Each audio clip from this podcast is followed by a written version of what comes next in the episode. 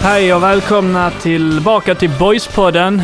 Avsnitt, eh, jag vet inte riktigt, men jag sitter här tillsammans med Björn Wikström som vanligt. Välkommen! Tack, tack!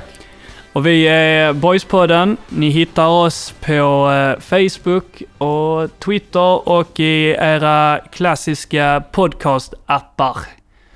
Vi ska få eh, lite trevligt och känt sällskap i studion. Eller inte egentligen i studion, men via Skype. Om, i alla fall. Om, en, eh, om ett litet, eh, litet tag då vi ska ta och ringa upp eh, Olof Lund faktiskt och eh, diskutera lite boys eh, med honom. Mm. Det ska bli eh, kul. Olof är ju en, en formell man som, som har mycket att eh, säga till om och tycker och tänker. Så att, en kul intervju. Och han har ju väldigt mycket av den här granskande biten kring, Mm. eh, kring boys har han varit eh, högst delaktig i. Innan dess så kan väl bara gå igenom lite lätt. Boys eh, är inte speciellt bra och har återigen förlorat. Eh, senast mot eh, Gais med 3-1. Mm. Och eh, vi kommer väl inte lägga ner speciellt mycket tid på den matchen. Ska Ja, det, vi... det, det känns som att vi har gjort det. det. Det är lite så som att om man vill man höra vad vi tyckte om Gais-matchen så kan man lyssna på vad vi tyckte om eh, Öster eller någon av de andra matcherna man har spelat nu i höstas. Liksom. Halvdant spel och eh, Ja. av. Det, ja, precis. Det är ungefär så den visan har varit i, i höstas. Precis. Det hade varit kul faktiskt att få hit någon styrelsemedlem en dag som kan svara på, på varför man släpper eh, Viktor Svensson. För att, alltså, ja. Och vem som scoutar Vukina. Både du och jag och min tvååriga son måste säga att eh, en halt Viktor Svensson är bättre än vad Okina är. Så är det absolut. Men eh, nu tar vi och eh, ringer upp eh, Olof. Det gör vi.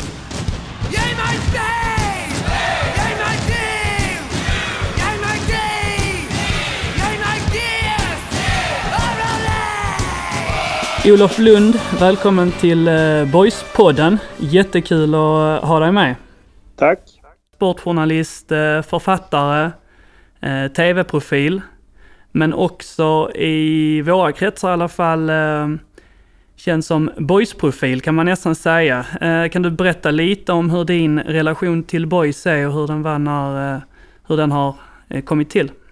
Grunden är ju att min pappa är från eh, Landskrona. Eller han lever inte längre. Men min pappa var från Landskrona. Jag har själv aldrig... Jag har faktiskt inte ens bott en natt i Landskrona. Eh, men min farfar eh, var, jobbade där på lasarettet. Det finns till och med någon väg där vid lasarettet som heter Gösta Lunds väg. Som är uppkallad efter min farfar. Eh, så det är kopplingen till Landskrona och min pappa var god vän med Claes Munk av Rosensjö som var ordförande i Boys från 64 till 1980 tror jag om jag inte har fel för mig. Han eller hans fru Dagmar som jag kände bägge två, de gav mig en boysdräkt när jag fyllde Ja, eller när jag var 6-7 år, någonting sånt. Eh, för övrigt finns på baksidan av eh, min, min senaste bok eh, om Allsvenskan enligt Lund. Där står jag i den boysdräkten. Och lite sånt, det är ju, det är ju inget man liksom instinktivt väljer eller att man tänker att när man är 6-7 år att ah, men jag ska bli sportjournalist när jag blir 30. Det är kanske dumt att jag håller på ett lag eller något liknande utan eh, det fastnar ju på om man är intresserad av fotboll. Så att, eh, och lite var det väl så att många i Lund där jag växte upp och eh, bodde fram till jag var 28 år förutom några gästspel i USA så eh, många i Lund höll ju på Malmö FF och då blev det ja, då blev det något extra att hålla på Landskrona Boys som ju för övrigt var liksom ett, ett etablerat allsvenskt lag hela 70-talet. Du nämnde här eh, just att man inte tänker på att man eh, ska bli sportjournalist i äldre dagar när du pratar om dig själv som, som ung påg. Eh, Hur stor tycker du att den konflikten är av att hålla, ett, hålla på ett lag när man arbetar som journalist samtidigt? Jag vet ju att det är lite tudelat, att det är vissa som är väldigt öppna med vad man håller på medan andra är mer, mer som du, lite försiktiga. Jag är ju inte försiktig med det utan jag har ju alltid liksom stått upp för att jag håller på Landskrona Boys och, att jag håller på Leeds och har gjort det men jag, jag tycker inte att jag har några problem att eh, hålla isär det och eh, dessutom så är det ju så att i min bevakning är det ju inte så ofta var, vare sig Landskrona eller Leeds kommer upp. Det är klart att det har hänt under, under mina år och eh, jag tycker att jag har hållit eh, rågångarna fria där. Det som kan hända är ju snarare att man är lite för hård mot, eh, mot den klubben för att man verkligen ska markera att, att jag inte... För jag förstår faktiskt inte var ni har fått intryck av att jag har smugit med det. För jag Nej, har ju nej det var väl inte så eh, jag menade, utan snarare vilka konflikter det kan bli i journalistyrket. Inte att du inte är öppen är jag är ju såklart, öppen med utan- dem. Eh, Jag driver ju tesen att jag tror att det är bättre att man är öppen med... Jag tycker det är lättare att, eh, att jag vet att Simon Bank håller på Tottenham när han skriver to- om Tottenham eh, och- eller Champions League. Än att jag faktiskt inte vet, eller att Simon Bank är ju då en som inte vill kommunicera vilket lag han håller på i Allsvenskan. Eh, vilket gör att, eh, ja, jag tycker jag kan förstå att man gör det på ett sätt men jag tycker det är bättre för läsare och liknande att, att faktiskt veta att eh, personen X håller på laget Y. För att i grunden tror jag att de flesta håller på, på lag på olika sätt och att det är där man har intresserat. Sen vet jag att det finns, eh, jag vet ju både min tidigare kollega Patrik Ekwall och även Mats Olsson har ju sagt att de inte håller på lag och, och eh, det finns ju säkert undantag men jag tror att i grunden är de flesta sportjournalister att man på något sätt börjat att man fastnat för en idrott. Man kanske hållit på en spelare eller på en idrottare eller men då när man fastnar på lagidrott så tror jag att man har en relation till något lag. Är det någonting som, som ni kan prata om eh, sportjournalister emellan eller reportrar emellan? eh, Just den biten då, om du så att säga är öppen och du, du pratar med någon som du vet eh, har sin ståndpunkt att man ska vara eh, tyst om det. Nej, men det, det, är ju inte, det är inte den viktigaste frågan som följer en. Sen är det ändå rätt sällan man sitter så och pratar om sådana frågor. Däremot jag kan rekommendera min poddintervju med Simon Bank som är från eh, september eh, 2017 där han just pratar om varför han inte vill berätta det. Och jag har ju intervjuat flera eh, journalister i mina poddar. Där har vi ju mer pratat om det. Sen klart att med nära kollegor kan man ju diskutera det. Både Mats Olsson och Patrik Ekwall är ju sådana jag har pratat med dem. Pratat med dem om det. Men jag eh, kan inte säga att det är att det är mer att man får förklara sig för andra människor. Många tror att, eh, att ja, men du är journalist, du kan inte säga vilket lag du håller på. Jo, det kan jag visst det. Eh, jag, jag har inte problem med det. Hur ser, hur ser relationen ut till, till klubben nu? Hur, vilket, vilket typ av supporterskap är det? Du är ju, det är väldigt mycket med, med Leeds till exempel om man följer dig på sociala medier. Um, är, är det det som har uh, det stora aktiva intresset nu eller uh, hur ser du på ditt supporterskap till Landskrona Boys? Ja, men jag följer... Eh, det var ett tag sedan jag var på, en, på Landskrona IP. Det har jag nog inte varit på... Ja, det var kanske någon gång år, förra året, 2017 eller 2016, kommer inte riktigt ihåg.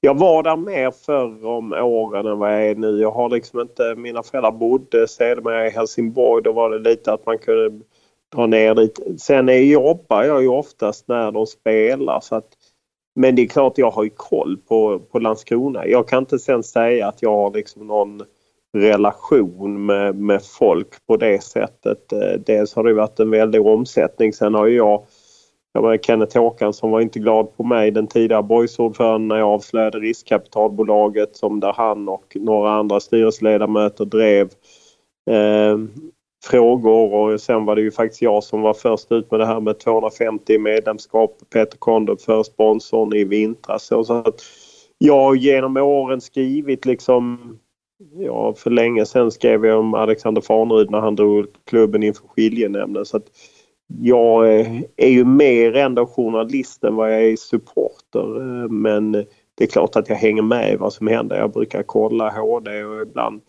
ser jag lite på eh, lite på Simor och när de spelar. Jag har sett några matcher denna säsongen men det har inte varit, det har inte varit någon glädje och nu kan man ju undra om klubben ens överlever men eh, det återstår väl att se. Men det är inte så att jag känner någon liksom som är, är aktiv i klubben på det sättet. Du sa det ju lite nyss eh, att du har varit och eh, avslöjat lite, grävt lite i, i oroligheterna kring klubben och turbulensen och egentligen under en eh, längre tid. Eh, är det lite att... Eh, hur, hur har egentligen eh, relationen, eller relation och relation, men hur har du... dialogen sett ut eh, med klubben? Hur, hur går det till när man får, eh, får till sig den här typen av, eh, av information? Eh, och det som har läckt ut? Ja, det kan ju vara på olika sätt som man kan nås av den informationen. eh, Men eh, någon eller några berättar saker och ting och där man då tycker att det finns en nyhet så kan man ju ringa och kontrollera det och då kan det vara mer eller mindre någon som berättar det eller inte. Liksom. Så att det går inte riktigt att, att säga. Eh, eh, alltså så, så, det, det är ju ingen skillnad hur jag bevakar Landskrona Boys som jag bevakar Svenska Fotbollförbundet och eller så utan man får ju som journalist så får man ju tips liksom att eh, det, det här kan vara si eller det här kan vara så. Rätt många tips kan man kasta i papperskorgen för att man antingen inte kan belägga dem eller att de inte stämmer eller att folk har missförstått och, och så. Eh, medan eh, ibland stämmer det och eh, det var ju uppenbarligen, jag vet att Thomas Nilsson på HD skrev då efter jag hade skrivit om det här 250 medlemskort eh, att han hade fått tipset men han tyckte det var så osannolikt så han hade inte kollat upp det eh, dagen innan. Liksom, så att det uppenbarligen var det ju fler än jag som fick det tipset. Liksom, så att, och återigen, jag har liksom Landskrona är ju, de har spelat en säsong i Superettan. Jag, vi, jag bevakar ju mest allsvenskan, lite Superettan. Eh, så att det är ju inte den klubb jag liksom nagelfar mest om man säger så utan Eh, och jag, som återigen, jag har liksom inga sådana relationer. Jag har aldrig bott i stan. Eh, jag har aldrig... Sen klart jag känner folk i fotbollssverige stort eftersom jag har varit eh, mestadels jobbat med fotboll sen jag utbildade mig som journalist för 20 år sedan. Eller drygt 20 år sedan började jag jobba. Liksom. Och jag har mestadels jobbat med fotboll. Så det är klart att jag har byggt upp ett nätverk av folk som jag känner. Hur ser du på den här turbulensen som har varit kring Boys i år? Eh, vi som, vi som bor här i stan har kanske lite lätt för liksom eh, snöa in och inte se då en större bild. Man fastnar i, ja men det här är Boys. eh, Detta är liksom eh, större än vad, man, vad man egentligen tycker att det är då kanske. Om du förstår vad jag menar. Hur har det sett ut liksom ur ett större Nej, perspektiv? ja, alltså, I ett större perspektiv så är ju detta den typen av eh, påtryckningar som förekommer. Alltså, det är ju alltid en diskussion om 51 regeln och 51 regeln är ju, är ju fantastisk i teorin men fungerar ju bara om det finns en aktiv föreningsdemokrati och den kan ju rundas på en massa olika sätt. Eh, det är ju bara att gå till Helsingborgs IF och Resursbank hur eh, deras VD efter att Resursbank hade lånat ut pengar till Helsingborgs IF försökte få Henrik Larsson sparkad och när det inte gick så ville han ha en ny styrelse vilket han också fick. Och den typen av exempel finns ju. Sen var ju detta ovanligt flagrant då att, eh, att en, en sponsor ville ha en skuld eh, och omvandla den till 250 medlemskort. Man kan ju tycka att liksom om det nu var en skuld och han ville omvandla någonting så kunde han väl omvandla det till någonting annat än att alla skulle bli medlemmar i Landskrona Boys av, eller delar av hans anställda skulle bli medlemmar i Landskrona Boys. Låter ju som, ett, låter ju som för mig som ett svepskäl och eh, sen har ju detta skadat Landskrona Boys utan tvekan att, eh, att Peter Kondrup tog sina pengar och visade att det handlade ju bara om makt tvärt emot vad han påstod att det handlade om. Han sa ju att han brann för Boys och det inte var makt.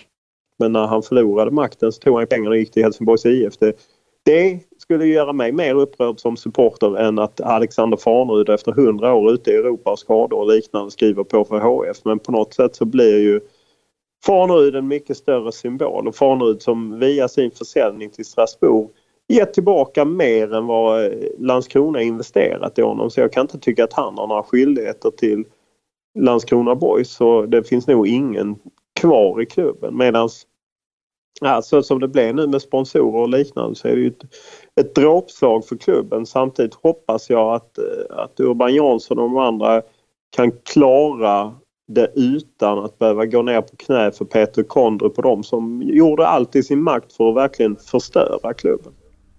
Ja, det är intressant att eh, du säger det. Eh, vi... Eh, Björn var lite inne på det tidigare. Hur, hur pass stort tycker du egentligen, hur pass allvarligt är det som har, har hänt i klubben tidigare den senaste tiden som du pratar om medlemskapen och det var rykten om eh, att eh, eh, man hade hemliga agendor i styrelserum och tidigare så var det också eh, investmentbolaget som du pratar om och vi har ju även eh, klubbstugan som också kom upp som en ny, eh, ett nytt problem.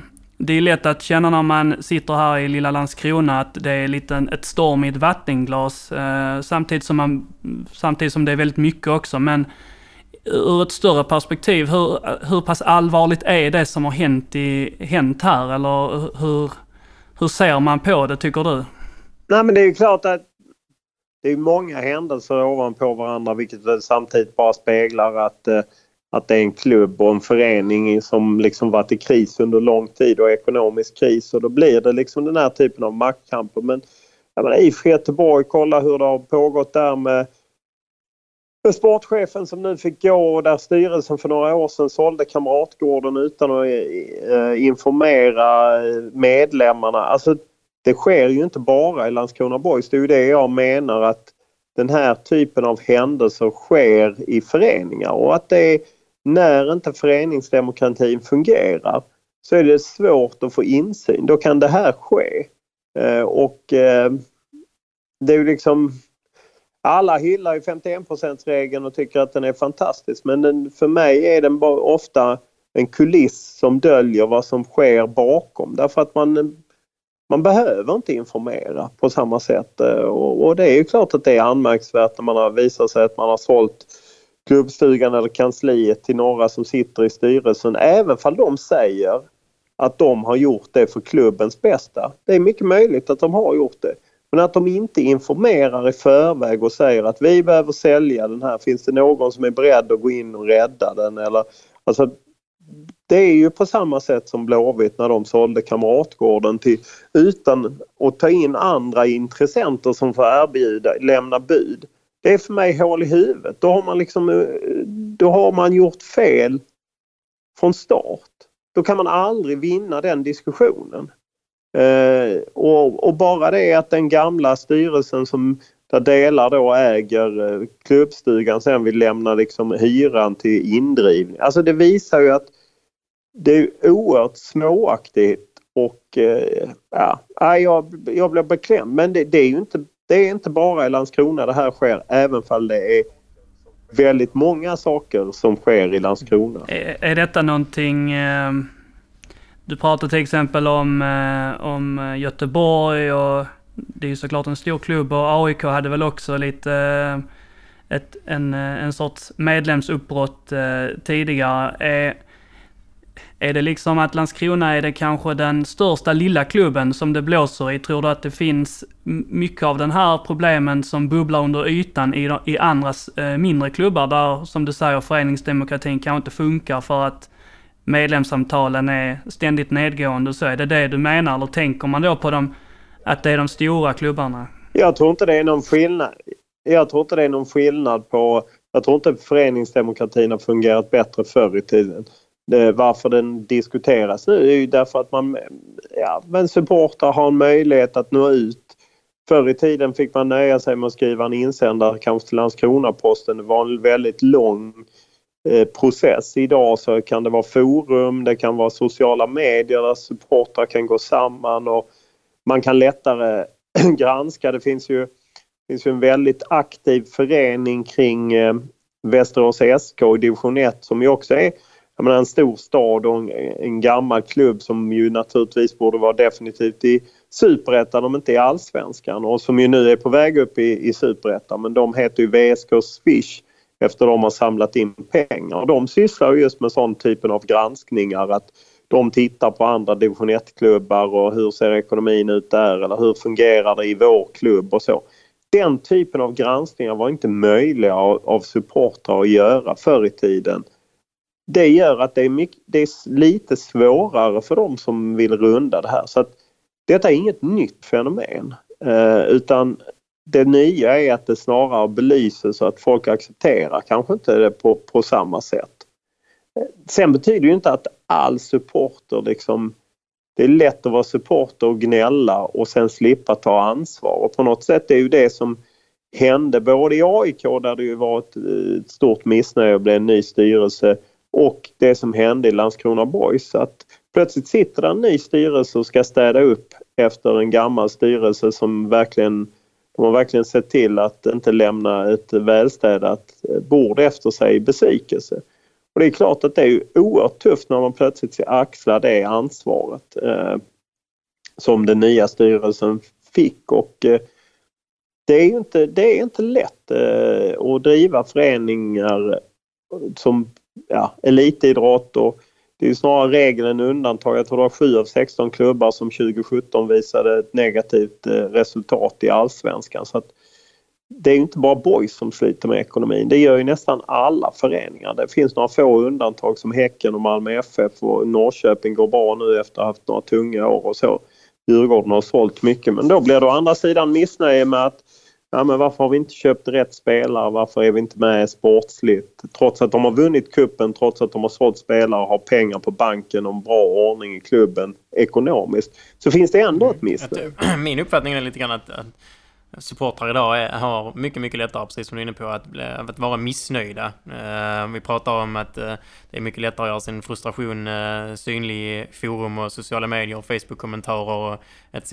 Samtidigt som man gärna vill ha mer information från klubben. Eh, hur, ser du på, hur ser du på alla de här sociala medierna i förhållande till att driva en klubb och hur, hur passar eh, 51%-regeln och föreningsdemokratin in i detta? Nej, alltså det är klart att sociala medier är en utmaning men jag tror inte det, det, A, det går inte att ta bort dem och B, då får man ju bara anpassa sig till dem. Nu ska jag vara helt ärlig och säga att jag inte riktigt följt med hur mycket Landskrona borgs styrelse har informerat men jag vet att i början så var man rätt duktiga på att informera och jag tror liksom att det är väl A och O om man ska få med sig eh, folk och som, att folk ska förstå hur, hur svårt det är. Det är väl att man faktiskt informerar om, eh, om vad som händer. Eh, för att det blir ju en grogrund för spekulation om man inte berättar vad som händer. Och, och sen ser man kanske resultat går sämre och liknande och folk inte förstår det eller supportrar inte förstår det. Sen tycker jag att det är väldigt lätt att bara lyssna på liksom de mest högljudda supportrarna. Det som ofta liksom de, de supportrar som ofta kallar sig själva som äkta supportrar. Att eh, de åker både hemma och bortamatcher och liknande och att det är på något sätt de som är klubben.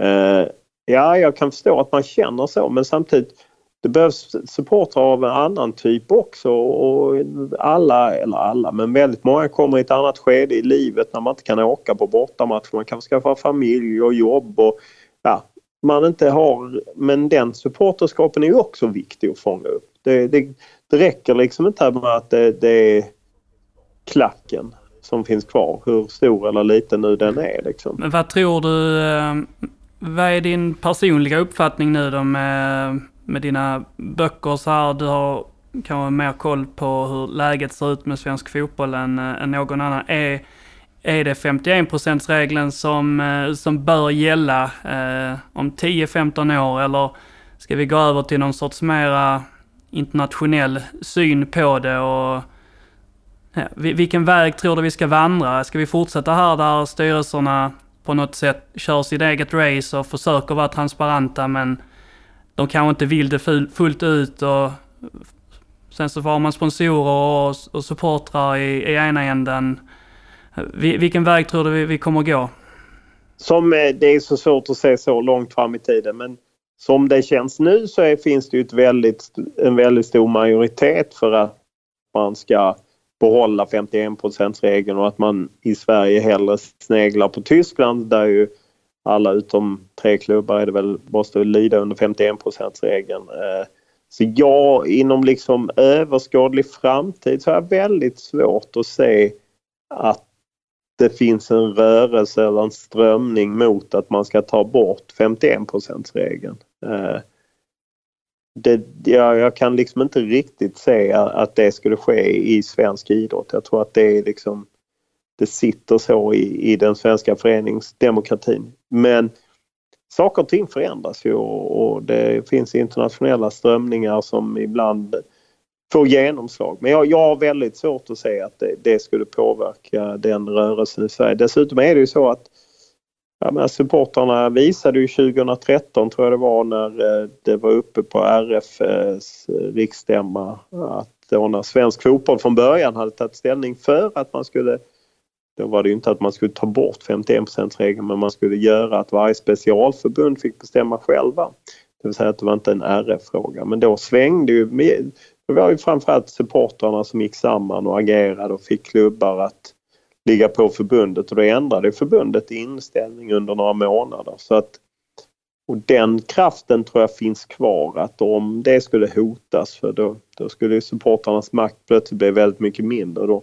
Och om den skulle hotas så tror jag att eh, eh, man väldigt snabbt skulle kunna mobilisera för att se till att det 51 regeln blir kvar. Och hur, hur ska man gå vidare med, med den här 51 regeln för att undvika att det blir de här storsponsorerna som sätter en man i, i, i styrelserummen och sen så på något sätt utser sig själv till att vara eh, någon sorts vetoröst. Eh, var väl lite det som hände ja, i... men på något, ja. sätt, på något sätt så får man ju acceptera att Jo, men om man vill ha pengar från sponsorer så kanske det blir så att man liksom behöver lyssna på sponsorer.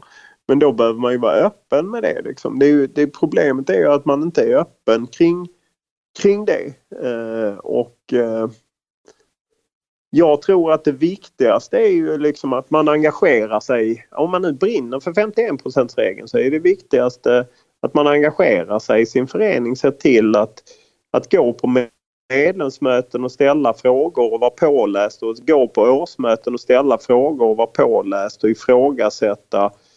Eh, för att man måste ju bidra till förening, till en levande föreningsdemokrati för att det sköter sig inte av sig själv. Om man nu tror på 51 regeln och tror på att supportrarna ska ha eh, eller att medlemmarna ska ha makt, ja då måste man ju utöva den liksom makten och, och, och se till att demokratin blir levande för att annars så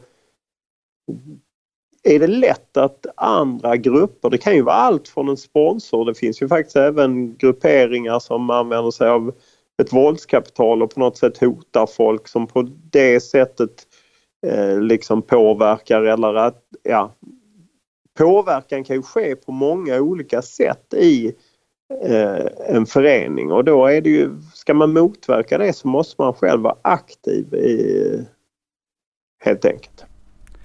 Om man eh, kollar lite framåt eh, nu på, på Borgs säsong så eh, är det ju knappast någon eh, hemlighet att det ser väldigt eh, mörkt ut och till 99% säkerhet så blir det division 1 nästa säsong då. Hur eh, det pratas mycket om kommande tv-pengar och tv-avtalen. Ehm, kan du säga någonting om hur du tror att pengarna som tv-avtalet kommer, kommer påverka Boys och påverka superettanlaget? Och vad, vad, kan det innebära om Boys helt enkelt är i division 1 när, när den här eh, resan börjar med ett nytt tv-avtal? Och vad är själva tv-avtalet också kanske? Eh, det kommer ett nytt tv-avtal och ett nytt spelavtal. Det är viktigt att flika in för att bägge de ökar väldigt eh, till 2020.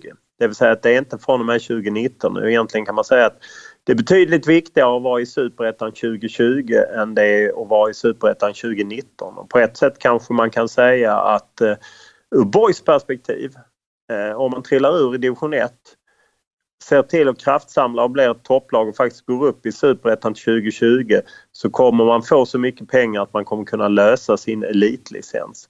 Det kan man ju inte nu eh, om man inte får in, ja, säg att man, ett mirakel händer om man hänger kvar så har man jävligt svårt att lösa sin elitlicens eftersom det krävs närmare 3 miljoner fram till årsskiftet om jag har förstått Urban Jansson rätt. Eh, så egentligen, om, om man nu kan styra sportsliga resultat, det kan man inte, men egentligen så är det bättre att trilla ner och sen så gå upp till 2020 för då kickar det nya tv-avtalet in. Och jag tror att det är när, en bit över 700 miljoner som kommer till klubbarna eh, i superettan och allsvenskan. Eh, kombinerat spel och tv-avtal och det är ju nästan en tredubbling om jag, eh, eller två och en halvdubbling i varje fall. Mer än en fördubbling av pengarna. Sen är det ju så att det finns ju en diskussion om, och, och som det är nu så får ju superettan en fjärdedel och allsvenskan tre fjärdedelar.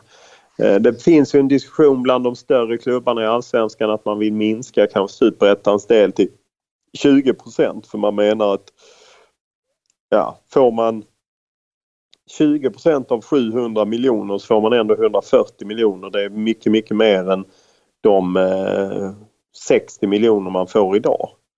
Återstår att se vad, vad det blir av den diskussionen. Sista ordet inte är sagt. Det är ju inte säkert att det blir så. Men, så att, och det, men det är ju klart att det pågår en fruktansvärd kapprustning för att det ser vi ju inte minst liksom i allsvenskan att eh, jag tror att vi kommer se det ännu mer nästa år för det kommer ju bli väldigt, väldigt dyrt att trilla ur allsvenskan till 2020. Alla vill ju vara i allsvenskan 2020 för att då kommer pengarna mer än fördubblas som man får. Och risken är ju då att man eh, ja, får ännu svårare att kliva upp. Så att eh, eh, det, ur Boys perspektiv så handlar det väl om att liksom slicka såren, eh, se till att man kan ja, men få alla som bryr sig om Boys att sluta upp bakom Boys och försöka ta sig upp eh, till, till Superettan 2020. Det är mycket viktigare än, äh, än någonting annat än att man skulle hänga kvar nu. För man har haft svårt nu med ekonomin och hänga kvar och elitlicens och liknande. Jag är mer, rädd för som supporter då att man att det kommer att bli, bli ett par år här nu i division 1 när man trillar ur. Ja, den risken, den risken är ju överhängande. Eh, sen måste man ju också säga att det finns ju en risk att klubben faktiskt går i konkurs. Eh, eh, nu minns jag när det var nära efter man trillade ur allsvenskan 1994. Då var man ju nära att gå i konkurs. Jag undrar om inte ja, ja, utan att veta sådär jättemycket så har jag eh, ändå en känsla av att eh, det kan bli väldigt, väldigt tufft att överleva nu. Eh, man inser ju att publiksiffrorna nu på hösten när det har gått dåligt inte har varit... De når antagligen inte budget och man har ju mycket skulder och man har egentligen inte så mycket tillgångar heller ju. Så att Nej, det återstår att se om klubben. Ja, egentligen kan man säga att skulle det bli några år i division 1 så är det kanske eh, milt jämfört med att man skulle försvinna helt och hållet. Hur ser du på, på det engagemanget? Du sa tidigare att du inte har följt det slaviskt men, eh, men hur eh, ser du på det engagemang som har varit bland supportrar i år och den nya styrelsens arbete? Sen. Ja, okay. det är svårt för mig att säga. Jag tycker styrelsen i början var öppen. Sen har inte jag riktigt följt det. Sen tyckte jag det var sorgliga scener i Växjö eh, eh, när man liksom en del supportrar skämde ut sig även om man var där för att stötta sitt lag så kan man bli ändå ledsen liksom när jag ser det och att det är liksom det är ju det sista Landskrona Boys behöver. Mm.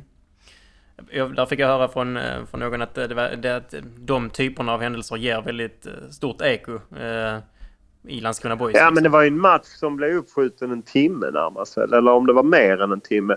Jag menar det är väl inte konstigt att det ger eko. Det, det, det är ju liksom det, det gör inte det lättare att gå runt till sponsorer att, att tala om och stötta liksom Landskrona Boys. Eh, och så får man den typen av, av publicitet och den typen av inramning. Är sponsorbiten den största skadan du ser i det perspektivet? Nej, jag tror även rent kommunalt och även liksom engagemanget. Jag jag kan ju vara lite att liksom...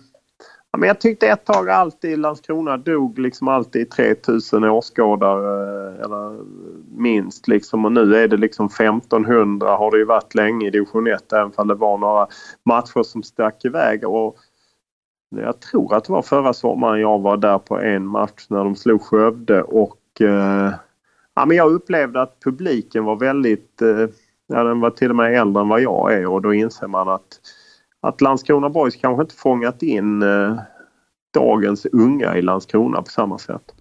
Ja, så, så är det och det är ju någonting vi har diskuterat eh, rätt mycket också. Där, där ligger det nog rätt mycket i att eh, MFF har gått som, eh, som tåget de senaste egentligen tio åren och Helsingborg har ju också egentligen gått, eh, haft en liten guldålder eh, upp och ner i och för sig. Och eh, på ett annat sätt så eh, är svensk fotboll också antagligen globalare nu när det gäller att eh, hitta supportrar och så. För att det är det man ser här också, att Landskrona pågar och töser eh, blir inte naturligt boysare längre. Och därmed så får du inte kanske heller samma återväxt publikmässigt. Nej, det är säkert så. Och sen är det väl... Jag bara från folk jag känner i Skånefotbollen som säger att Landskrona Boys som hade väldigt bra ungdomsverksamhet att den inte alls är lika bra som den var tidigare. Nu vet jag att de har rekryterat någon ny person här från Djursholm tror jag. Eh, som är från Stockholm. Där jag har hört från folk här i Stockholm säga att han är väldigt bra. Men jag menar, han kan ju, det är ju ett sånt arbete som först visar sig på flera år. Men eh, där är, ju, är det ju sorgligt att, att eh, liksom det som borde vara Landskronas adelsmärke att utveckla egna spelare och talanger. Att det inte är lika framgångsrikt som det har varit en gång i tiden. Mm. Nej, där är vi väl rätt så överens om den biten och det är ju sorgligt som Landskronit att se när uh, unga talanger från de lokala lagen väljer eh, uh, HIF och Malmö och man kan väl i ärlighetens namn säga att man förstår varför de gör det också. Uh, det är väl förmodligen en bättre talangutveckling i de klubbarna så att man, man har respekt för det men det, för Bois del är det ju oerhört sorgligt.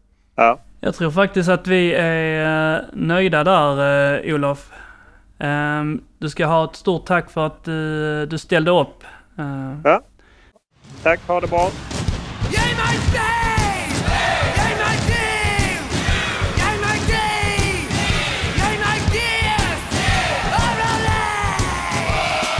Vi tackar Olof för hans eh, medverkan. Vad tyckte du om samtalet, eh, Björn? Nej men eh, vad ska man säga? Svårt. Svårt att intervjua honom. Framförallt då när det sker över eh, Skype. Inte för att han som person är svår att intervjua. Han var väldigt kanske lätt. mer, Exakt. Det kanske mer vår, eh, vår okunskap som mediemän eh, Ja, som lyser igenom lite grann. Ja. Nu brukar vår producent Melker säga till oss att vi alltid ska osa av självförtroende, men eh, man ska också vara Ja, det. ärlig och... Ja, men det var en jävla fin intervju. sin, ja, man ska erkänna sina brister. Det, det är det enda jag gör hela tiden. Ja. Vi, vi kör på det spåret istället. Vi Men skit- det var väldigt kul, det var kul att prata med honom. Han har ju en, eh, en infallsvinkel som är intressant eh, ändå. Eh, Lite boysar på avstånd och samtidigt med väldigt mycket insyn och framförallt väldigt mycket kunskap om själva situationen som inte bara boys är i, men som många andra klubbar är också med styrelserum som inte alltid fungerar så som man vill från supporterhåll i alla fall. Kul också att lyftas upp lite grann ur boys-bubblan med att man liksom får ett lite mer nationellt perspektiv på det och inser att liksom, ja, men det är fler, även om man kanske inser det ändå, men så är det ju kul att någon annan påtalar för en liksom att ja men du, det är faktiskt fler klubbar än du som är i den här sitsen. Det mår man ibland lite bättre av. Så är det. Och eh, ur boys eh, vinkel här nu så är det AFC på fredag. Där det väl dessutom är så eh, fint upplagt att om eh, vi vinner på något sätt eh, eh, dröjer kvar oss i hoppet om att överleva så ger vi också dem norrut ett, en uppflyttning. Så upplagt för en riktig bajssäsong. Jag har faktiskt inga känslor kring något av det hela. HIF kommer gå upp, boys kommer åka ner. Ja. Så det, Bara det är har jag börjat bli mer liksom inse, inse fakta. Ja, Det- lägg, ner, lägg ner säsongen Ja. och börja om. Ja. Men vi, eh, vi tuffar väl egentligen på. Eh, Mm. eh, Vi sitter väl här om en vecka igen drygt, eller om två, och diskuterar några nya förluster. Tror att vi får hitta någon gäst så att vi får prata om något mer än bara hur dåliga boys var mot AFC. Ja, vi ska ha, få in den nya akademichefen här så småningom också. Vi har, han kommer att dyka upp när, när tillfälle ges. Så det kan ni se fram emot, ni som inte tycker om att höra oss diskutera Okine och förluster. Det är inte alltid jättekul. Så är det. Detta var Boyspodden. Och detta är jag, Jens och eh, Björn. Ni hittar oss på eh, Facebook och Twitter i era vanliga podcastappar. Prenumerera gärna på, eh, på poddarna så får ni dem direkt och smidigt i ert flöde. Vi eh, säger tack för att ni lyssnade och eh, heja boys! Heja boys!